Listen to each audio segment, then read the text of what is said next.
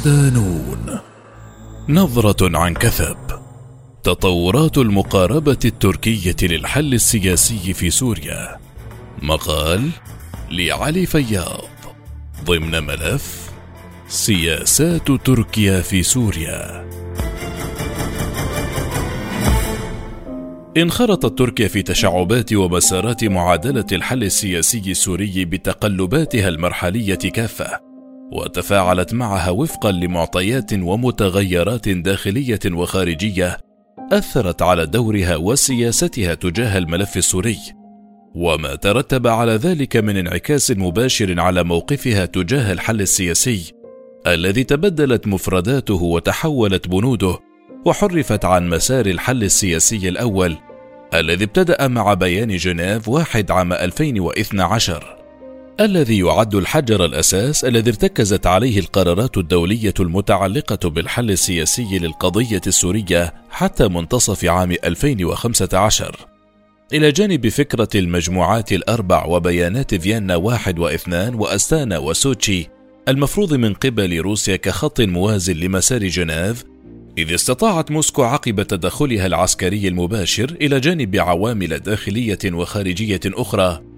من تحويل مسار الحل السياسي من فكرة هيئة حكم انتقالية كاملة الصلاحيات التنفيذية إلى مجرد الحديث عن تحقيق تغيير دستوري تتبعها عملية انتخابية وهو ما عبرت عنه اللجنة الدستورية التي تشكلت عام 2019 مجددا لعبت كوكبة من العوامل والمحددات الداخلية والخارجية في بلورة المقاربة التركية تجاه القضية السورية والحل السياسي المتعلق بها ضمن مسيرة تجاوزت عقدا من الزمن. فتقلبات المشهد على الساحة السورية سياسيا وعسكريا إلى جانب التغيرات في المشهد الداخلي التركي مع ما أصاب الموقف الدولي العام من تقلبات وتبدلات تجاه الملف السوري أدت إلى تموضع تركي متقلب متفاعل مع تلك المستجدات والعوامل والمتغيرات ضمن المشهد السوري. موقف تركيا من مسار جنيف. التناغم مع المظلة الدولية. هيمنت فكرة الانتقال السياسي على مسار الحل السياسي على مدى ثلاثة أعوام بين 2012 و 2015 والتي صدرت عن بيان جنيف لعام 2012 الذي انطلق من نقاط عديدة وبقيت هي المحدد الأساسي لأي عملية تسوية سياسية في سوريا والتي شملت تحقيق انتقال سياسي خلال جدول زمني محدد في ظل بيئة آمنة ومحايدة تؤسس لحوار وطني شامل يفضي إلى كتابة دستور جديد وإجراء انتخابات حرة ونزيهة. وظلت هذه الفكرة حاضرة في الوثائق والتصريحات المرتبطة بالملف السوري وصولا إلى قرار مجلس الأمن عام 2015 رقم 2254 الذي شدد على أن الشعب السوري هو من يقرر مستقبل البلاد ودعا إلى تشكيل حكومة انتقالية وإجراء انتخابات برعاية أممية وبدا واضحا التناغم والانسجام التركي مع هذا التعاطي الدولي تجاه الملف السوري والموقف من نظام الأسد والذي تمثل بحالة تأييد شبه جماعية من المجتمع الدولي للمطالب الشعبية وبتمثيل نسبي جيد واعتراف دولي بقوى المعارضة أخذ بالتراجع تدريجيا لاحقا إضافة إلى وجود توجه دولي عام لفرض عقوبات سياسية واقتصادية ضد النظام. وهو ما ترافق مع تقدم سياسي وعسكري لقوى الثورة والمعارضة فضلا عن غلبة الظن حينها لدى القيادة التركية كما يبدو بأن سقوط النظام بات مسألة وقت لذا كان لابد من توثيق علاقتها مع حلفاء وشركاء جدد لمرحلة ما بعد الأسد. كما شرع تركيا بتقديم دعم سياسي وعسكري وإعلامي وإغاثي ولوجستي لقوى الثورة والمعارضة معززة قوى المعارضة على المستويين السياسي والعسكري. واستضافت مبكرا معظم قيادات المعارضة السياسية بمختلف تياراتها على أراضيها. واستضافت كذلك مختلف منصات واجتماعات المعارضة. وفقا لهذه المقاربة المتمثلة بضرورة التركيز على خط إسقاط النظام الفاقد للشرعية وإحداث تغيير جذري في بنية النظام تحت مظلة المنظومة الدولية. من جهتها اعتبر تركيا مسألة سيادة سوريا واستقلالها ووحدة أراضيها هدفها الأساسي منذ أولى خطوات دعمها الجهود الدولية في المسار السياسي، وشددت على رفضها أي أجندات انفصالية ممثلة بمحاولات تشكيل دويلة كردية، وركزت على استبعاد الأسد عن أي دور في تشكيل مستقبل سوريا. وتبنت تركيا لاحقا قرار الأمم المتحدة رقم 2254 لحل الصراع في سوريا بإشراف الأمم المتحدة والذي نص على دعوة ممثل المعارضة السورية ونظام الأسد للدخول في مفاوضات لرسم مسار الانتقال السياسي الذي حدده بيان جنيف وسعت إلى تأمين وقف إطلاق نار يشمل مختلف الجغرافيا السورية ويوقف موجات اللجوء السوري إلى أراضيها. ويمهد لعودة اللاجئين إلى بلادهم بعد أن بدأت تعاني من انعكاسات الأزمة السورية عليها داخليا وخارجيا. واستطاعت تركيا حجز مقعد أساسي ضمن الفواعل الدولية المؤثرة على نتائج ومسار الحل السياسي وتشعباته وتداخلاته، وذلك عبر إمساكها عدة أوراق قوة جعلت من الصعوبة بمكان استبعادها عن مناقشات ومحادثات العملية السياسية أو تجاهل مصالحها الاستراتيجية العليا. ولعل أهم هذه الأوراق نفوذها المتداخل المتين داخل أروقة مؤسسات وتيارات قوى الثورة والمعارضة السورية السياسية والعسكرية والذي تجذر عمليا بعد عمليتي درع الفرات وغصن الزيتون إضافة إلى تزايد حجم حضورها وثقل وزنها في مختلف القضايا الإقليمية والدولية. ورغم هذا التأثير والحضور التركي ضمن معادلة العملية السياسية في سوريا، إلا أن السياسة التركية اصطدمت بمطبات وصعوبات عرقلت نشاطها وحدت من دائرة تأثيرها في المسار السياسي. وتحديدا في جنيف الذي عد حينها المسار الوحيد المرسوم لحل الأزمة السورية. والذي انطلق بتوافق أمريكي روسي شبه تام ضيق مساحة المناورة أمام قوى الثورة والمعارضة وحليفتها تركيا بعد أن تصاعد حجم التأثير الروسي على المسار مقابل تهميش لوفد المعارضة وإضعاف موقف ودور تركيا التي بدأت تعاني من ضغوط خارجية وداخلية أثرت عموما على دورها وتفاعلها مع المشهد السوري العام. في السياق ذاته بدأت جملة من المتغيرات الداخلية والدولية والإقليمية المتتالية بالتأثير على مسار العملية السياسية في سوريا، وعلى مواقف القوى الدولية تجاهها بما فيها تركيا، ولعل أولى هذه التغيرات الجوهرية التي أثرت على الرؤية التركية تجاه الحل السياسي كانت حالة التقهقر الميداني والتراجع العسكري لقوى الثورة والمعارضة على وقع الضربات الروسية المكثفة ومن ثم التقارب التركي مع روسيا مقابل توتر علاقاتها مع الغرب والتنسيق مع روسيا في عمليتي درع الفرات وغصن الزيتون.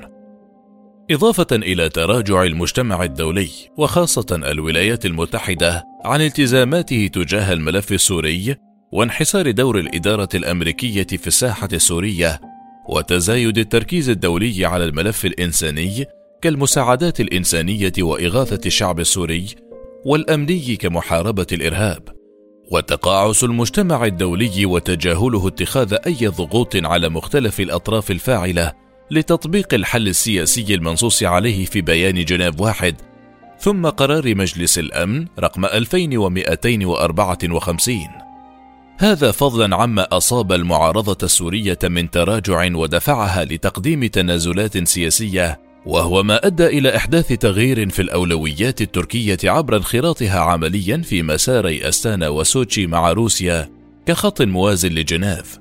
بعد أن تراجع دورها وتعرض لانتكاسة ضمن المشهد السوري. تركيا ومسار أستانا وسوتشي. بعد سقوط حلب بيد نظام الأسد وحلفائه الروس والإيرانيين أواخر عام 2016 سارعت روسيا وتركيا وإيران إلى عقد اجتماع ثلاثي في موسكو للاتفاق على مبادئ الحل في سوريا واستحدثت الأطراف الثلاثة مسار استانا الذي يعنى بإيجاد حل للأزمة السورية ويسعى إلى وقف إطلاق النار لتهيئة أرضية مناسبة لتحقيق تقدم في مسار الحل السياسي. إذ أوضحت بيانات جولات أستانا أن هدف هذا المسار وفق ما أعلن ضامنوه هو دعم إطلاق محادثات مباشرة بين النظام والمعارضة وتدعيم حالة وقف إطلاق النار وإنشاء مناطق خفض التصعيد في عدد من المناطق وقتال تنظيمي داعش وجبهة النصرة وفصل مجموعات المعارضة المسلحة عنها. وتولت تركيا فيه ضمان مشاركة قوى الثورة والمعارضة السياسية والعسكرية وضمنت روسيا مشاركة نظام الأسد. عموما شهد مسار أستانا إلى الآن ثمانية عشر جولة من المحادثات تخللها كثير من اللقاءات والمحادثات وقليل جدا من التقدم. ويبدو أن أهم ما تم إنجازه عبر هذا المسار بين الدول الضامنة هو التوصل لاتفاق وقف إطلاق النار وإنشاء مناطق خفض التصعيد. وإطلاق اللجنة الدستورية عام 2018 وسط انتهاكات سافرة لنظام الأسد وحلفائه لاتفاقيات وقف إطلاق النار متبعا سياسة قضم مناطق سيطرة المعارضة السورية. كما تجنب المسار تماما الولوج في قضايا رئيسية كطبيعة الحل النهائي والانتقال السياسي ومصير بشار الأسد. وبالنظر إلى الموقف التركي الذي أخذ حينها بالتراجع ضمن المعادلة السورية يمكن القول إن أنقرة سعت عبر انخراطها في مسار أستانا إلى الحفاظ وتثبيت دورها وتأثيرها في المشهد السوري، ما يتيح لها إعادة التموضع مجددا لمواجهة التحديات الأمنية، بما ينسجم مع إعادة تعريفها لمصالحها الاستراتيجية في سوريا والمنطقة، وعلاقاتها مع القوى المنخرطة في الملف السوري بعد التغييرات التي جلبتها محاولة الانقلاب الفاشل عام 2016 على الرؤية التركية وتفاعل سياساتها الخارجية والذي نتج عنه تحول نحو روسيا وإنهاء الأزمة معها. عمليا كان واضحا أن الهدف المشترك لضامن مسار أستانا تركيا وروسيا وإيران من تأسيس واستحداث المسار هو موازنة الدور الأمريكي في الملف السوري والتنسيق المشترك بمعزل عن الولايات المتحدة ولكل أهدافه الخاصة. فتركيا حاولت من خلال المشاركة في المسار وزيادة تنسيقها مع روسيا إحداث نوع من التوازن مع الولايات المتحدة بعد تنامي الشكوك التركية حول أهداف دعم الولايات المتحدة لوحدات حماية الشعب دي الفرع السوري لحزب العمال الكردستاني بيكاكا والذي تعده تركيا تنظيما إرهابيا يهدد أمنها القومي ووحدتها السياسية. لا سيما بعد تثبيت الولايات المتحدة وجودها العسكري شمال شرق سوريا قرب الحدود مع تركيا. ورغم القبول الضمني التركي بالرؤية الروسية للحل السياسي في سوريا وحرصها على استمرار التنسيق والتعاون مع موسكو، غير أن هذا لم يمنع وجود تباينات واختلافات بين الطرفين. وتحديدا عند الحديث عن دور بشار الأسد في العملية السياسية ومستقبل سوريا فرغم موافقة تركيا الضمنية على بقاء الأسد خلال الفترة الانتقالية إلا أنها عبرت في أكثر من مناسبة حينها عن رفضها فكرة بقائه في السلطة باعتباره المسؤول الأول عما وصل إليه الوضع في سوريا. كما أنه منذ انطلاق مسار أستانا حاولت روسيا استبدال مسار جنيف في محاولة منها للاستئثار بمسار الحل السياسي والهيمنة على القرار النهائي. وهو ما رفضته تركيا التي عبرت عن ضرورة الاعتماد على جنيف كأساس فرغم المكاسب التي حصلتها تركيا نتيجة التفاهمات مع روسيا إلا أنها حرصت على عدم السماح باستفراد روسيا في العملية السياسية والتسليم الكامل لها بحيث يبقى هامش مناوراتها أوسع إذ أعربت مرارا عبر مجموعة أصدقاء سوريا بمشاركة دول عربية وغربية عن دعمها الكامل لمفاوضات جنيف ورفضت إطلاق أي حل سياسي بعيدا عنها أو خارج إشراف الأمم المتحدة وقراراتها لا سيما القرار 2254 في المحصلة مع تغير أولويات تركيا تجاه الملف السوري وبلورتها مقاربة جديدة في سوريا دخلت في مسار أستانا محققة جملة من المكاسب عمقت بها جهود تقاربها مع موسكو وأضعفت احتمالات تشكيل دويلة كردية على حدودها تهدد أمنها ووحدة أراضيها. وحجزت مكانا ودورا مهمين في المعادلة السورية على المستوى البعيد لا سيما بعد حضورها عسكريا إلى جانب الفصائل العسكرية في درع الفرات ودخول قواتها إلى إدلب وتشكيلها نقاط مراقبة ضمن إطار اتفاق خفض التصعيد الذي تم لاحقا بموجب مسار أستانا.